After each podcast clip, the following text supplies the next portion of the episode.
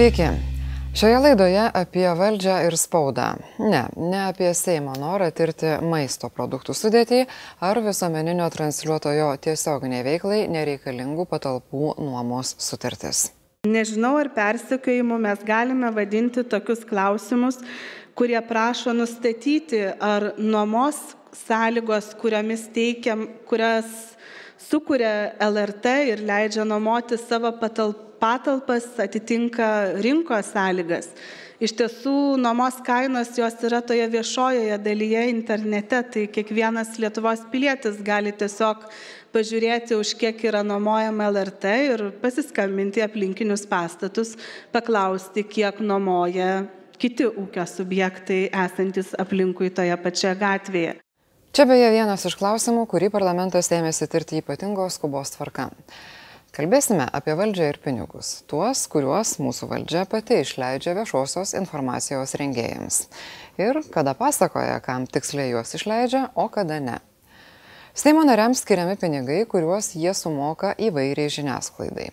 Pabandėme sužinoti, pagal kokius kriterijus ta žiniasklaida pasirenkama, ar Seimo nariai už tuos pinigus aiškina savo rinkėjams, kokius įstatymus priėmė, ką tie įstatymai pakeis piliečių gyvenime.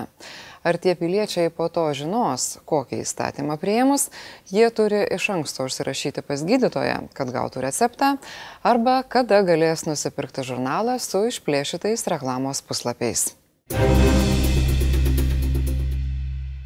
Kaip ir ką tyrėme? Parlamentinių išlaidų ataskaitas pasėmėme ir peržiūrėjome. Peržiūrėjus visų Seimo narių išlaidas, turime komandoje tokių jaunų entuziastų, viešosios informacijos tiekėjų paslaugoms išvestas vidurkis - beveik 500 eurų. Ta vidurkį viršijo 48 Seimo nariai.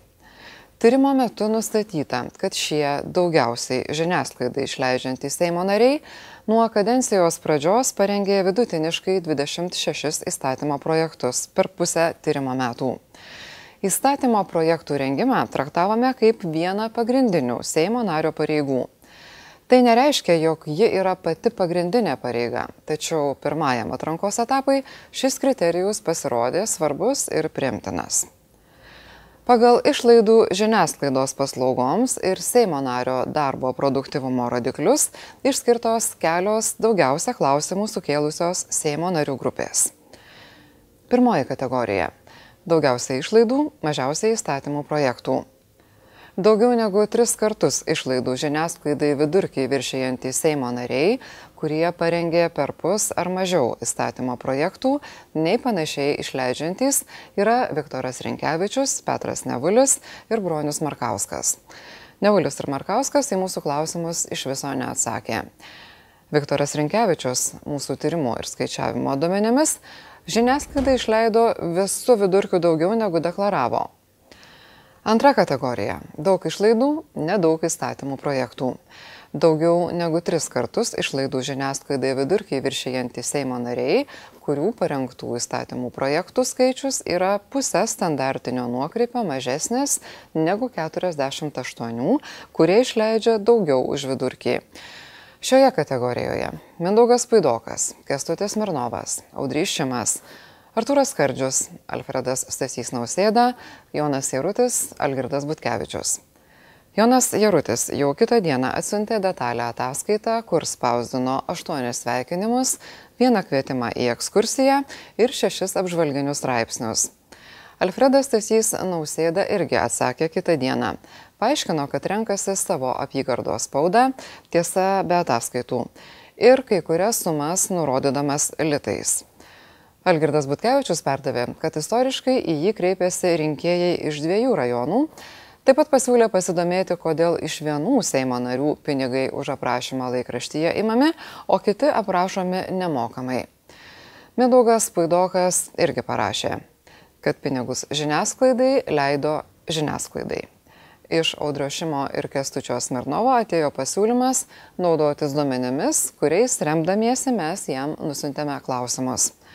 Su Kestučiu Smirnovu pabandėme išsiaiškinti, kokia yra jo komunikavimo su viešosios informacijos rengėjais strategija.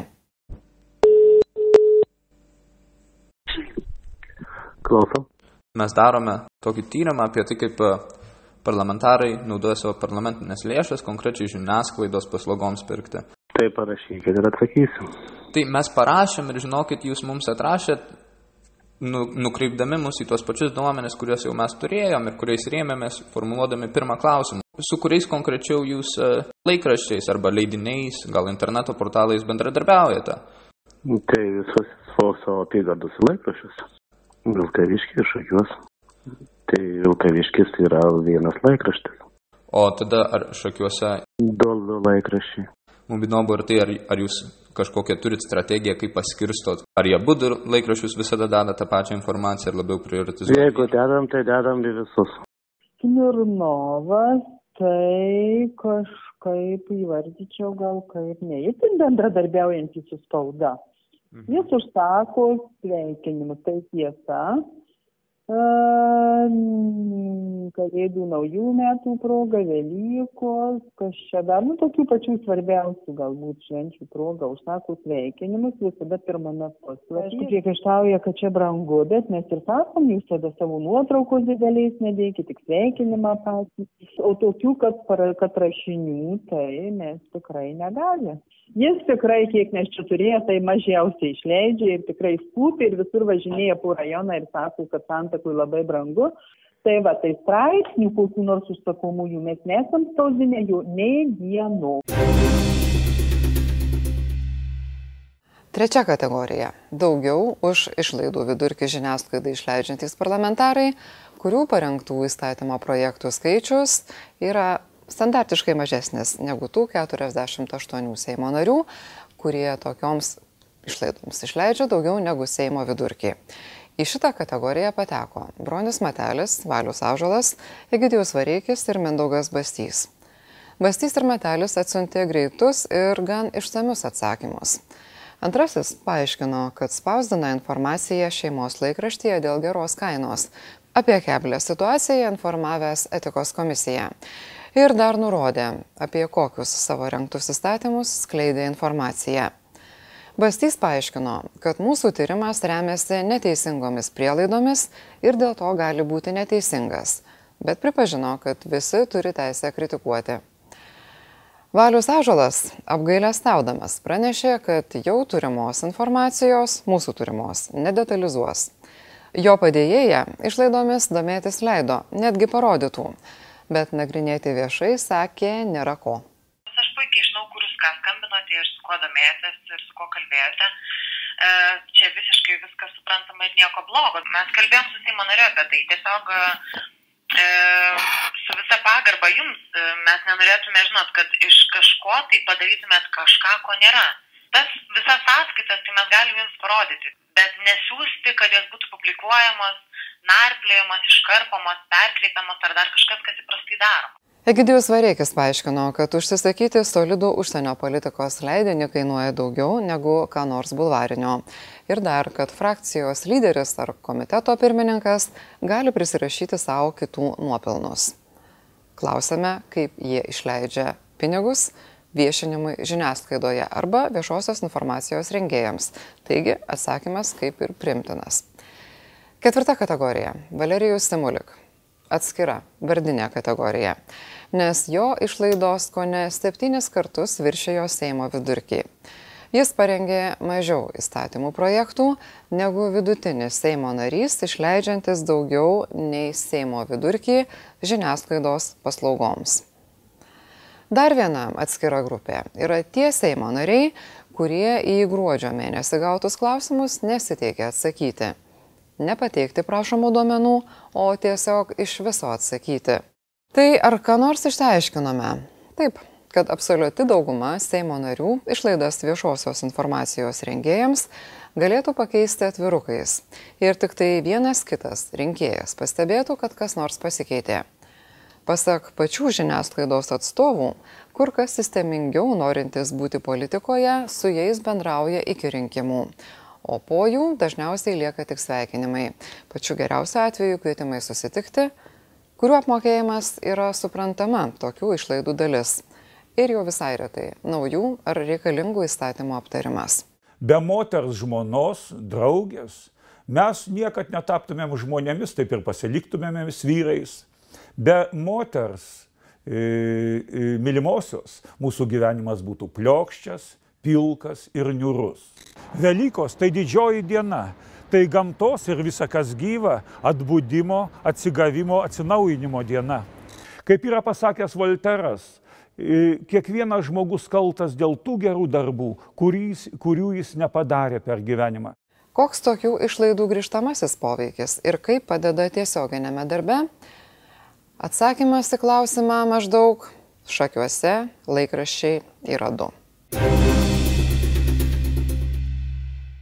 Bet tą pačią progą užmetėme akį, kaip informaciją skleidžia populiariausio šiuo metu tematikos Žemės ūkio ministerija. Akis rado sutartį dėl prekių informavimui ir viešinimui.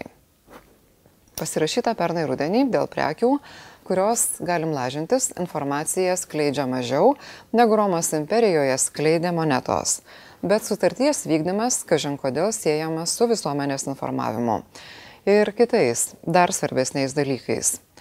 Sutarties kaina 105 tūkstančiai su trupučiu, ne milijonai, bet iš lėšų skirtų žemės ūkio ir kaimo plėtros programoms įgyvendinti. Iš tos vienos programos, kurios tikslas žemės ūkio sektorių grįsti inovacijomis, žemės ūkio konkurencingumas, subalansuota teritorinė kaimo vietovių plėtra. Dar ši programa turėtų mažinti skurdą kaimo vietovėse, didinti užimtumą, steigiant mažas ir labai mažas įmonės, padidinti žemdirbių gebėjimą parduoti produkciją užsienio rinkose. Atskirų punktų ši speciali ES programa turi padidinti kaimo gyventojų pajamų lygį ir sumažinti tų kaimo gyventojų priklausomybę nuo socialinių išmokų, remti darbo vietų kūrimą ir išlaikymą, skatinti jaunųjų ūkininkų įsikūrimą. Ir dar daug gerų dalykų numatyta toje programoje, kurios pinigus Žemės ūkio ministerija, jai vadovaujant valstiečių toks pavadinimas atstovai, leis štai kam. Pjaustimo lentelė pagaminta iš medžio. Lentelės forma susijusi su žemės ūkio sritimi. Vienspalvis spalva derinama su perkančiaja organizacija - pledas. Skaidraus įvairias spalvos stiklo statulėlės suvenyras, kurio forma atspindi žemės ūkio tematiką. Kuprinė maišelis. Rašiklių rinkinys dėžutėje. Mobiliojo telefono kroviklis baterija natūralios odos vyriškas diržas, natūralios odos moteriška piniginė. Ir dar daug visokių gerų dalykų. Visai geri, tik viskas iš vienos įmonės Vilniuje ir nelabai aišku, kaip tie dalykai mažins skurdą kaime. Iki.